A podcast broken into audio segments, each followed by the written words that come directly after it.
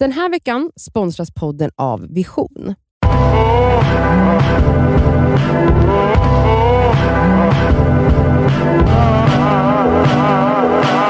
Hej! Hej. Gud varför blev jag så formell? Jag har ingen aning. Eh, hej, det är fredag och ett nytt Det ska vi svarar och den här veckan är det ju lite speciellt för att vi är här tillsammans med Mindler. Eller alltså hela det här avsnittet är ett samarbete med Mindler och vi har Victoria Trepp med oss som är psykolog på Mindler. Och eh, ni såg ju på Instagram att vi om det här samarbetet och vi bad om massa frågor som ni, som ni skulle ha inför det här avsnittet om så psykisk ohälsa. Och nu har vi liksom samlat ihop dem och ta, dragit hit Victoria. Hej Victoria. Hej! Åh vad roligt att vara här men jag är lite nervös faktiskt. Vi är Ja, men första vi gästen. med. Det känns pirrigt. Ja, första men gästen för oss. Ja. Men det är ju ett hjärteämne för oss Ja, alla tre. Vi har ju pratat om det här sen vi startade. Det är det enda vi pratar om. Ja, det är, det, enda vi, det är det enda vi pratar om. Att gå i terapi. Men vi har också pratat om att faktiskt få hit en psykolog. Ja, Ja. det har vi faktiskt. Ja. Och äntligen är du här. Ja. Ja, Jätteroligt. Men jag har ju lyssnat på eh, ganska många av era avsnitt. Jag tycker att ni gör ett fantastiskt bra jobb. Jag vet inte om jag kommer kunna tillföra sig. Wow! men just sluta. Nej, vi är tre psykologer här. Jag tror absolut att du kan tillföra Ja, massor. verkligen. Ja. kan inte du berätta bara kort liksom vad Mindler är för de som inte vet? Mm. Mindler är en, en app eh, där man, genom kan, man kan träffa en psykolog, en legitimerad psykolog eh, och få behandling, KBT-behandling online. Mm. Eh, en eh, app som har funnits sedan våren 2018, så det här var ju innan covid Mm. som Ja. satte igång. Men även då så märkte man att det fanns ett jätte, jätte behov av det. Ja. Att kunna få behandling liksom från sitt hem eller från Mm. sin arbetsplats, alltså på ett enkelt sätt. Mm. Ehm, och ehm, ja, vem som helst kan egentligen söka dit. Man behöver ingen remiss utan man, man bokar en av våra psykologer. Man kan gå in på hemsidan och titta på deras profiler och sen så kan man titta i appen Mm. eh, när det finns en ledig tid eh, och bestämma ett möte. I princip vilken tid på dygnet som helst. Hur länge har du jobbat där? Jag har jobbat sedan ehm, april 2019. Mm. Nice. Mm. Och varje sånt besök kostar 100 kronor 100 kronor upp till och så får man och så gäller frikort eller hur? och frikort gäller. Precis. Mm. precis. Nice. Och visst får man träffa samma, eh, samma psykolog eh, Ja. om man liksom behöver upprepade Ja. samtal? Om man påbörjar en behandling då går man till samma psykolog. Ja. Ja. Sen kan det ju vara så att man träffar en psykolog och så känner man att eh, det här inte riktigt Ja, man får byta om man man, vill, får, va? man får Mm. byta. Man, man får inte byta hur många gånger som helst för då kan man ju aldrig liksom påbörja en behandling. Ja, men, men man kan absolut byta om det inte känns rätt. Mm. Ja. Mm. Och det är väl också en grej mellan en patient och en psykolog att båda ska känna så här: okej jag, kan, vi, jag kan hjälpa dig och du kan typ känna dig trygg hos mig. Ja, så är det man ska verkligen. klicka typ. Precis. Ja, nej, men det är ganska viktigt att klicka. För Mm. det, det vet man att eh, det gör jättemycket för själva behandlingsutfallet. Alltså eh, den allians som vi säger att Ja. man får med, eh, med psykologen. Så att det, det är viktigt att man klickar. Men också att psykologen i fråga eh, har rätt kompetens för det man söker för. Mm. Eh, och det, vi har ju 200 psykologer som jobbar hos oss eh, idag eh, med olika erfarenheter. Så man kan verkligen botanisera på Ja, hemsidan fattar. och liksom se vem som kan vad. Men om man inte, okej det här är liksom en allmän fråga, men om man inte vet, om man bara mår dåligt Mm. och inte är så, jag är så lider av XXX. Mm. Men om man inte vet vad man lider av, bara det att man vet att man behöver prata med någon. Ja. Går det utan att botanisera, kan man hitta rätt ändå? ja, det kan man absolut göra. Och jag tycker att om man går med sådana funderingar, eh, att man känner att man mår dåligt, man kan inte riktigt sätta fingret på vad det är, då kan det absolut vara, eh, vara bra att träffa en psykolog som, som vet vilka frågor man ska ställa och som kan liksom ringa in eh, kanske problemet eller göra en Mm. kartläggning. Eh, och, och få syn på om, om det är så att man, man liksom undviker att göra olika saker eller att man inte riktigt fungerar så som man tänker att man skulle vilja fungera i olika Mm, sammanhang mm. och så. Och när man har gjort den här kartläggningen då bestämmer man tillsammans med psykologen om man vill gå vidare med en, en behandling.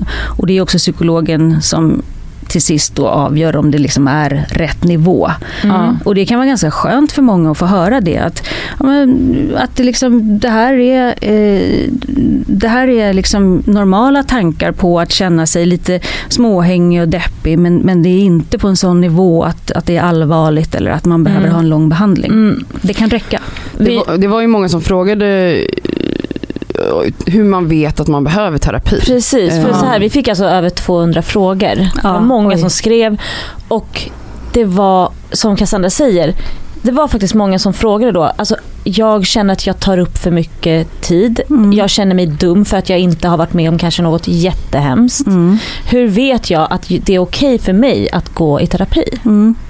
Jag tycker att det är viktigt att, att inte gå och, och dra på sånt där för länge och må kanske sämre och sämre. För att vi har ju också en, en eh, förebyggande funktion. Alltså, kan man få hjälp i tid så vet man att, att man minskar på sjukskrivningar längre fram och så Mm. vidare. Så att, Yeah.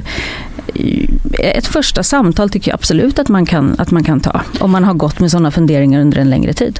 Men så det liksom, egentligen så finns alltså så bör man inte tänka så, att så mår jag tillräckligt dåligt? Nej, för vem ska man jämföra sig med? Och, och, det, det, det kanske är så att man, man, man har en uppfattning om att man mår på ett speciellt sätt. Men psykologen vet ju hur man ställer frågor kring mående och funktion och vardag, vänner, familjejobb och allt sånt där. Som Mm. liksom hjälper en kanske att få en bild av hur det verkligen är. Mm. Ja. Mm. Så att om man går i de tankarna och är så, mår jag tillräckligt dåligt så är det tillräckligt för att träffa en psykolog helt enkelt. Ja, Du tycker det? jag tycker det.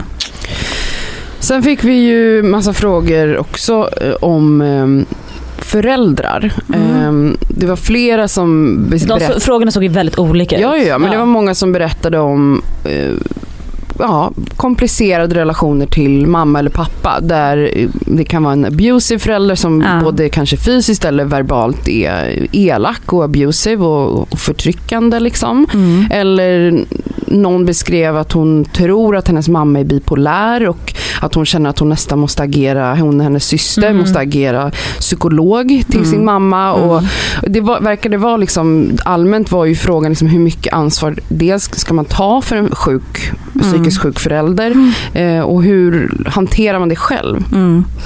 Jätte, jätte, jätteviktiga och bra frågor. Ehm, för det första så ska eh, man inte stå ut med våld eller kränkningar eh, i hemmet av sina Nej. föräldrar eller någon annan vuxen. Det är jätte, jätteviktigt att ta kontakt med någon man litar på. Det kan vara allt ifrån eh, skolsköterskan, en kompis förälder, eh, någon lärare men någon annan vuxen och berätta hur man har det hemma. Man ska Mm. inte behöva känna att man behöver sitta och gömma sig på sitt rum eh, eller att man är rädd för att komma hem från skolan.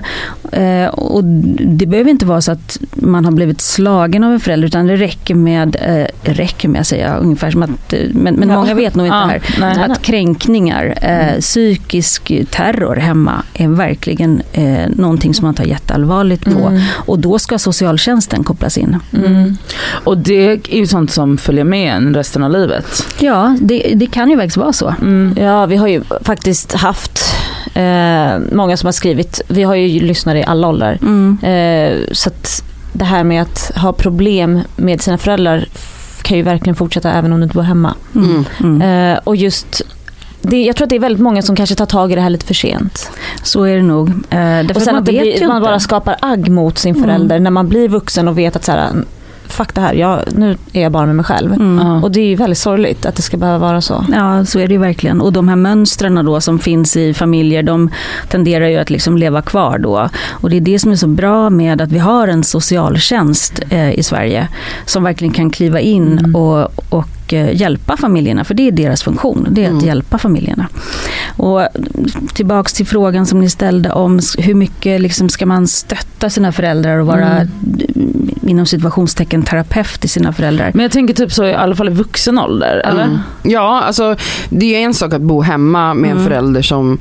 eh, Det är svårare att, att distansera sig såklart. Ja. Har du Mm. flyttat från din förälder men fortfarande känner att du hör... Det kan ju hänga kvar att man känner att man har ett ansvar att ta hand om den här föräldern som Mm. kanske går in och ut ur djupa depressioner. Mm. Ehm, ja, vilket ansvar hur, kanske snarare hur bryter man Ja. det mönstret? Mm. Och måste man ha en relation till sin förälder Ja, tänker jag precis. också. För just Ja. det här med så här, socialtjänsten, absolut det är jättebra men många, många eh, dealar ju med problem med sina föräldrar som också är äldre. Liksom. Ja. Alltså vi vuxna Ja. liksom. Ja, nej, men man måste ju inte ha en relation till sina föräldrar. Eh, men många vill ju ändå ha en relation Ja. till sina föräldrar. Och känner ett ansvar. Eh, och jag tycker att det, det är fint att man känner så. Men det ska ju inte gå ut över ens egna välmående och, Mm. och ens egna liv. Eh, och känner man att det gör det, att det börjar påverka ens, eh, ens egna mående, att man blir deppig eller att det påverkar rela- att man inte hinner med sina egna relationer. Då är det jätteviktigt att, eh, att ta hjälp. Mm. Eh, och eh, som vuxen så skulle jag säga att eh, det finns en väldigt massa anhörigföreningar Mm. eh, som man kan vända sig till. Eh, sen så tänker jag att man också skulle kunna mm, ta kontakt med en kurator på vårdcentralen. Mm. Eh, för, för de har oftast koll på vad finns det i närområdet där Ja. jag bor. Eh, hur skulle jag kunna gå vidare med det här? För det låter som att väldigt många är medberoende. Mm. Att På det är olika såna- sätt Ja, att liksom. det är sådana grupper man kanske skulle kunna söka sig till. Men också tror jag, viktigt, jag vet inte hur, alltså, beroende på hur ens familj ser ut. Men det kanske är så att dina föräldrar har ett syskon. Eller eh, att mormor, morfar, farmor, farfar är kvar i livet. Alltså att man ska försöka prata med den stora familjen också. Att så, här, Mm. det här, så här ser vår relation Ja, ut. Skulle ja. ni kunna steppa in ibland och kanske kolla läget med hur, det- hur det är? Mm. Det är jättebra att dela upp ansvaret. Mm. Det kanske är flera syskon också. Ja. Där det kanske är ett, ett syskon som gör mer än de andra. Precis. Jätteviktigt då att, att samla alla och liksom Ja. försöka eh, Dela se på hur man det. kan dela Ja, på det. Men jag tror också att så här, prata med någon, alltså att just de här, hur relationen än ser ut med ens föräldrar, även i, liksom i vuxen ålder, att just att prata om det med eh, sin, för det vet jag, alltså jag har gjort det, alltså majoriteten av min terapi är ju att prata om mina föräldrar. Mm. Mm. Eh, och, att så, och då landar man ju ofta i någonting som känns bra för en. Eller så, Mm. det, behöver inte, det finns ju inte ett universellt mönster på hur Mm. du ska hantera eller jag hanterar. Men att bara så lätta på trycket känns ju... Alltså, Verkligen. Ja. Ja, alltså det här med att prata är ju jätteläkande på många sätt. Och det är därför såna här grupper i anhörigföreningar och sånt där kan vara så otroligt bra. Men har ni Eh, anhörigterapi? Vi har inte det. Nej? Eh, Men, men det finns i, i kommunerna Mm. Ja. eh, runt om i landet. Och det kan man, man kan gå till sin vårdcentral. Ja, eller eller så kan man googla också. Ja. Det finns ju jättemycket bra information. Facebookgrupp finns säkert. Ja, Facebookgrupper finns det absolut. Ja. Ja. Mm. Nästa fråga, eller så ämne, stora ämne som vi fick in jättemycket på och som har varit ett stort samtalsämne för oss är ju just det här med självkänsla. Ja. Eh, alltså vi har ju pratat otaliga timmar om det och fått hur mycket frågor som helst. Och, eh, Och här- kämpa med det själva Själva, ja, verkligen. Ja. alltså, I allra högsta grad. Men här är liksom en fråga då. Eh, finns det några nycklar, huvudpelare till att bygga upp en bra självkänsla? Är det något steg man måste klara av för att ta sig vidare till nästa steg? Mm, jättebra fråga. Och det här är ju någonting som, precis som ni sa, det, det tror jag alla tampas med eh, frågor om sin självkänsla eller självsäkerhet. Eh, lite nu och då i alla fall, om inte alltid. Men jag, jag tycker att det är viktigt att komma ihåg att eh, självkänsla, eh, det, är en, eh, det är en åsikt som man har. Berätta. Det är alltså det är inte fakta, eh, det som man tänker om sig själv. Nej. Alltså jag är, kommer inte klara det här för att jag är, jag, eh, alla är mycket bättre än mig på det här. Det är ju åsikter som man har av sig själv, eh, inte en sanning. Och det här är ju någonting som, som har kommit av er livserfarenheter som man har. Eh, där man kanske tidigt i livet har fått, fått höra att man inte duger på olika sätt. En dålig självkänsla kan ju komma av eh, allt ifrån upprepad kritik, vanvård, eh, misshandel, eh, övergrepp, utanförskap, mobbing, ja allt sånt här eh, påverkar självkänslan jättemycket. Om man, om, man, om man kan börja tänka på självkänsla som eh, någonting som faktiskt inte är sant, utan mer som en åsikt som man har. Men om, jag har aldrig tänkt på det. Jag brukar tänka att det är att jag har olika personer i mitt huvud Ja. som är jag. Fast det är olika karaktärer. Ja. Och då brukar jag se det som att det är den elaka eh, jag som säger alla de här elaka san- sanningarna då som Mm. den här personen tycker. Ja. Men sen har jag ju andra röster som säger andra saker. Som är kanske en snäll, Snäll. och en som är lat och en som är, de har massa olika eh, personligheter. Och det, blir väl, det är lite samma tänk då. Alltså Mm. att det är inte, bara för att den här personen, den här Cassandra säger det, Mm. så är det inte sant. Mm. Men det som, man, det som händer då eh, med de här erfarenheterna, så som du, som du beskriver då, att du har olika personligheter som sitter. Det, är- då tänker jag det är baserat på olika erfarenheter som du har. Vissa erfarenheter som du har, där är det en, en, en snäll och bra eh, personlighet eh, som drar slutsatser. Så att det, vi drar olika slutsatser om oss själva. Mm. Jag är värdelös, jag är dum, jag är ganska bra på det här. Eh, Det här eh, är jag helt grym på. Alltså baserat på erfarenheter som vi har.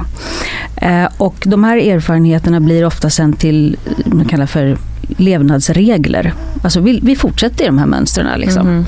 och lever efter dem.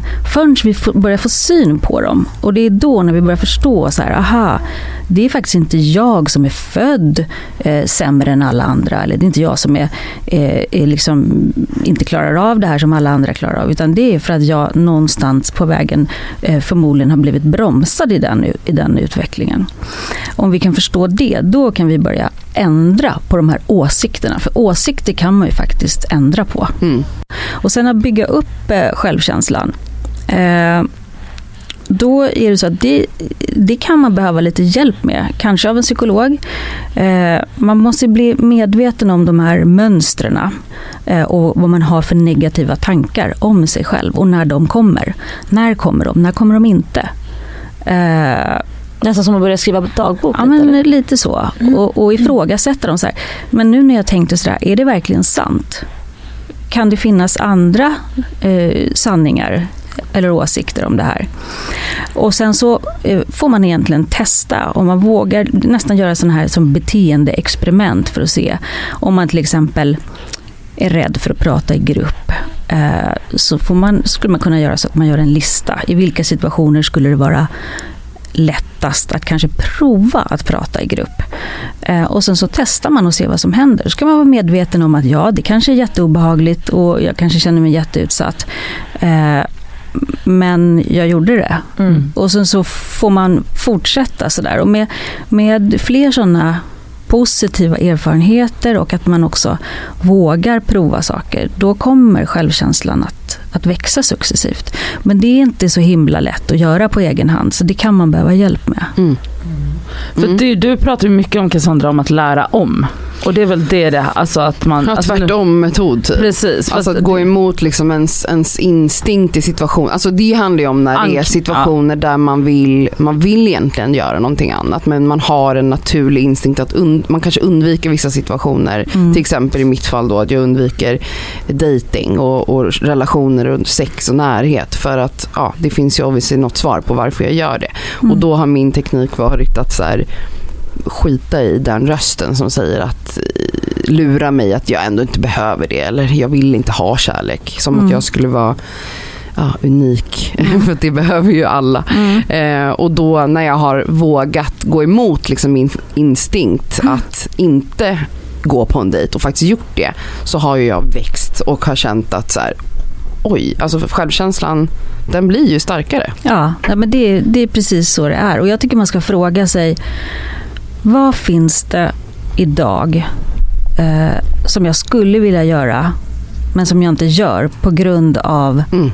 att jag är rädd eller osäker. Eh, och, och sen när man har svaret på den frågan, då vet man vad man behöver jobba med. Exakt. Ja. Nästa ämne vi kommer till är kanske det flest personer skriver till oss om och det är känslan av ensamhet. Mm. Att känna sig tom och ensam och eh, jag tror att det är liksom extra eh, tufft nu eftersom vi lever i en pandemi och man tvingas till ensamhet ännu mer än man normalt behöver i sin vardag. Mm. Nu har jag ingen konkret fråga för att vi får så mycket frågor men jag tänker att vi kan allmänt prata hur dealar man med ensamhet? Mm.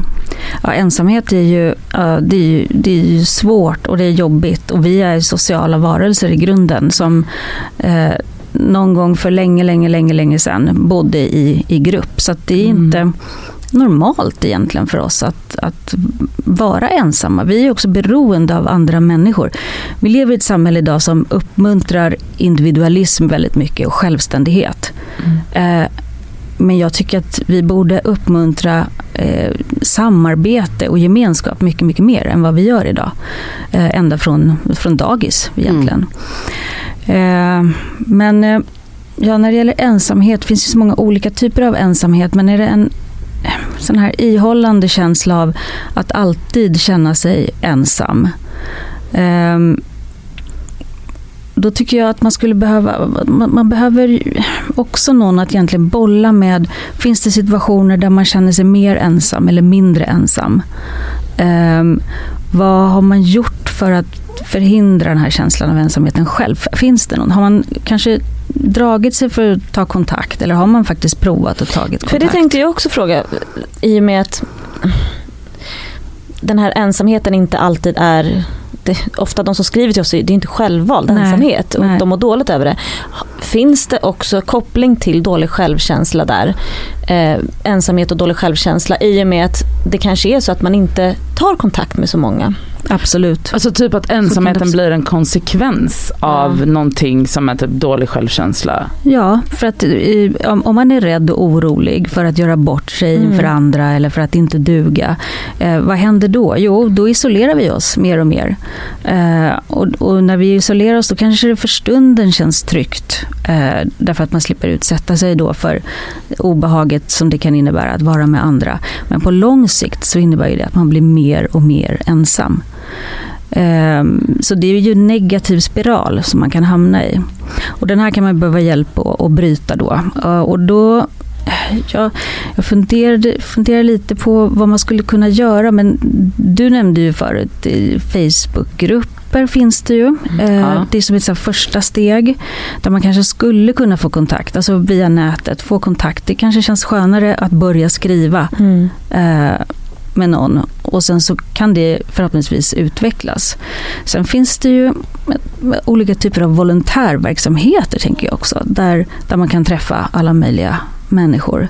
Bara få, bara få vara en del av en gemenskap, ett sammanhang, eh, bidrar ju mycket till att Eh, minska känslan av ensamhet. Idag tror jag särskilt att det är lätt att bli ensam för vi har så mycket i våra skärmar som vi kan underhålla oss med.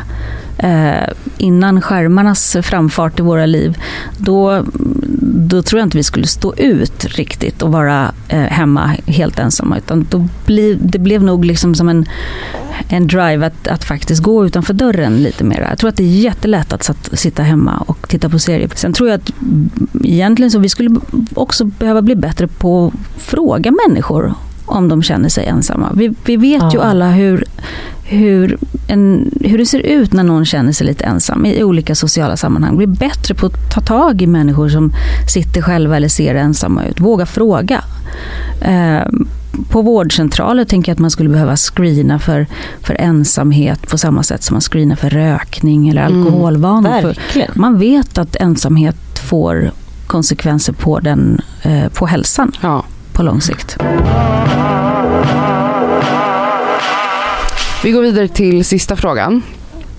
Och den handlar om social fobi. Jag läser den rakt av. Um, en person som har skrivit så här. Jag känner stress och panik varje gång jag måste vistas bland människor. Det gäller inte bara en stor grupp eller främmande bekanta. Om jag ska träffa min lilla tjejgrupp på fyra personer så behöver jag flera dagar i förväg veta allt som kommer ske, vad vi ska göra, vad vi ska äta etc. Ibland har det blivit några impulsiva inbjudningar och jag har då ljugit mig ut ur de träffarna med saker som att jag är upptagen fast sanningen är att jag inte har några planer. Det här gör jag för att jag finner det så extremt jobbigt. Jag vill Att det vara- blir en förändring eller? Ja. Ja. jag vill vara en spontan person som samma dag kan planera och, träff- planera och träffas och inte känna den här paniken som ligger och gnager. Men vad tror ni det här grundar sig i och hur ska jag våga vara med människor? Det är svårt att säga vad det kan grunda sig i, om det är en specifik händelse den här personen har varit med om eller om det är eh, väldigt blyghet från början. Men det jag skulle vilja veta, det är ju vad tror den här personen, vad är det värsta som skulle kunna hända? Vad är hen, hen, hens katastroftankar? Eh, om jag inte vet vad som ska bjudas på middag eller hur exakt det ska gå till och kastas in i den här situationen. Vad tror jag skulle hända? Och det är oftast tankar som börjar med tänk om. Tänk om jag råkar eller tänk om det här händer. Det här är en typisk eh, sån här social fobi. Eh, vad ska man säga? Är det en typisk känsla? Situation. Nej, situation eller en, en, ett typiskt ärende kan Mm. man säga. Mm. Ett, ett typiskt eh, ärende där man skulle kunna få eh, hjälp av en psykolog. Mm. Absolut. Ja, för det, det låter ju som att en, hon eller, eller hen, jag vet inte om Mm. vem det är som skrivit, eh, verkar ha ett, alltså det ligger mycket kontrollbehov i det här. Ja, det, Mm. där låter det som att det är Ehm, kontrollbehov Och också. det är kanske så man, man kanske har mycket kontrollbehov när man har problem med vissa situationer. Eh, social fobi, jag vet inte riktigt, alltså är det, ja, jag har ju upplevt det själv när jag har varit väldigt utmattad till exempel. Mm. Och då, jag vet inte, det är egentligen inte det sociala men jag har blivit, det har varit för mycket intryck. Det har varit svårt för mig. Att Ja. jag så här, kan, det blir för stressigt för mig att vara i situationer där det är många röster, många ljud, eh, intryck, att jag ska eh, hälsa på massa människor. Det gav mig panikångestattacker. Så jag var under en lång tid tvungen att undvika situationer som jag innan har älskat. Mm. Eh, att mingla, det var liksom Ja. mitt största intresse. Och helt plötsligt så bara fick jag panikångest. Att jag var tvungen att bli hjälpt hem av en vän för att det, vart för mycket. Är det samma som torgskräck? Kallas det det också? Ja, ja. Varför är det så vanligt? Ehm, Jobbiga Jag frågor. tror att- Varför? Varför? jag tror att det grundar sig i en eh, rädsla för att bli avvisad. Mm. Såklart. Eh, mm. För det, vi vill ju inte bli avvisade. Nej. Men det, det som är positivt med social fobi, eh, det är att det faktiskt är väldigt lätt att behandla. Är det? Ja. För det står ju där i eran bok. Ja, den här lilla boken om psykisk ohälsa. Ja, Ja, så ni får många sådana ärenden eller? ja det får vi. Och jag, och jag känner igen själv från, från egen liksom, klinisk behandling den här typen av ärenden där, eh, där någon kommer till mig och nästan eh, är handikappad på grund av eh, social ångest. Mm. Eh, och att, men, men motivationen för att kunna vara i de här eh, sa- sociala sammanhangen är så stark att det gör att behandlingen kan gå ganska fort framåt. Men det känns ju som ett Ja, men där, där ser jag ju verkligen så här KBTns eh, syfte. Mm. Alltså när det är sådana konkreta saker. Ja, Mm. den här situationen är svår eller jag är rädd för att flyga eller eh, jag får sån enorm ångest av det. Eller vad det nu kan vara. Att liksom, då, då är väl ett av, av verktygen att ändå utsätta sig för det, eller hur? Så är det. Mm. Eh, och, men där behöver man ha hjälp därför att det kan faktiskt bli värre om man kastar sig ut eh, alldeles för snabbt eller på fel nivå. Så det en psykolog gör då det är att man gör en, eh, man gör en rangordning. Eh, dels av, av situationer som patienten, om vi kallar det patienten nu, eh, själv tycker är viktig att ta itu med. Men också en rangordning av situationer som är mer eller mindre läskiga. Ja. Och då brukar man oftast börja med en situation, och exponera kallas det, att utsätta det. sig. Mm. Eh, Då brukar man oftast börja med att exponera sig i en situation som inte är så läskig. Ja. Eh, och, Ja, man kanske inte ska dra på tre blind dates på en vecka. Liksom. Något lite mildare. Precis, precis. Man Ja, men så man lite- trappar upp det Mm. Långsamt. Ja. Ja. Meningen är att man ska, man ska lyckas med sina beteendeexperiment för att bli ännu mer motiverad att gå vidare och känna att man har liksom stöd i ryggen ifrån någon som verkligen kan det här. Mm. Om man inte tar itu med sin torgskräck eller med sin sociala fobi så kan ju det i sin tur leda till ensamhet och tomhet som vi Mm. pratade om. Och att det liksom i sin tur kan bli liksom ett stort svart hål. Verkligen. Men att då om man börjar redan vid den sociala ångesten att det kanske att det kan vara lättare att åtgärda än när man har tagit alla de där stegen till att man lever helt isolerat och är liksom totalt deprimerad. typ. Ja, så är det ju. Och ju tidigare man får hjälp om man märker att man börjar hamna i en sån här negativ spiral, att man börjar undvika saker som man tidigare eh, inte alls har, har tänkt på eh, och som man har gillat, då, då ska man nog dra, dra den där lilla varningsklockan och försöka eh, få hjälp. Mm. Ja men slutligen då så kan vi väl då, eller då får du gärna bekräfta det, men vi säger ju alltid här att alla behöver terapi. Eh, och det vill jag ändå efter vårt samtal känna att ja, det är sant. Eller hur? Ja, men jag tycker att eh, eh, det ska inte vara ett sånt himla stort och farligt steg att ta. Nej. Eh, därför att vi behöver ta hand om vår psykiska hälsa på samma sätt som vi tar hand om vår fysiska hälsa. Vi Mm. får ju hela tiden höra om vad vi ska äta och sova och motionera. Eh, och precis på samma sätt är det med våra- med vår psykiska hälsa. Det hänger ju ihop. Eh, Ja. Så att eh, det ska man absolut inte vänta med. Så det är rimligt att screena alla sina dejter och bara så, har du gått i terapi? Det är det du gör, eller hur? Nej alltså jag dejtar ju inte men eh, För hon måste gå i terapi så att hon Ja, vågar dejta sen. Ja. Tack för att du eh, gästade oss. Jätteroligt, Ja, tack. Det var Kan inte du komma hit varje vecka? Åh, ja, det, var verkligen jätteroligt. ja, vad kul. Ja, och jag, tror, vi hoppas, jag tror att ah, många fick ut en del av det. Jag hoppas Ja, det. verkligen. Jag hoppas det. Det tror jag med. Ja, och det här var ju då som sagt ett samarbete med Mindler som du ju jobbar för på. på, på Ja. I. I appen. Jobbar i. Jobbar i. Ja, där sitter du och väntar. Eh, och eh, ja, det här var jättebra. Och vi, vi kan nämna den här boken Ja. kort igen. Eh, man kan ju beställa en bok där som heter Lilla boken om psykisk ohälsa. Din guide till ett bättre mående. Som beskriver de, hur många var det? Tio. Tio vanligaste psykiska ohälsorna. Väldigt eh, Mm. bra. Ja, en, en väldigt lättläst och Guide. eh, gu- guide eh, och inf- information. Mm. information ska man inte underskatta, det är jätteviktigt. Kunskap. Mm. Och den beställer man på mindler.se snedstreck bok. Mm, det gör man. Tack Victoria. Tack Tusen själva. tack. tack.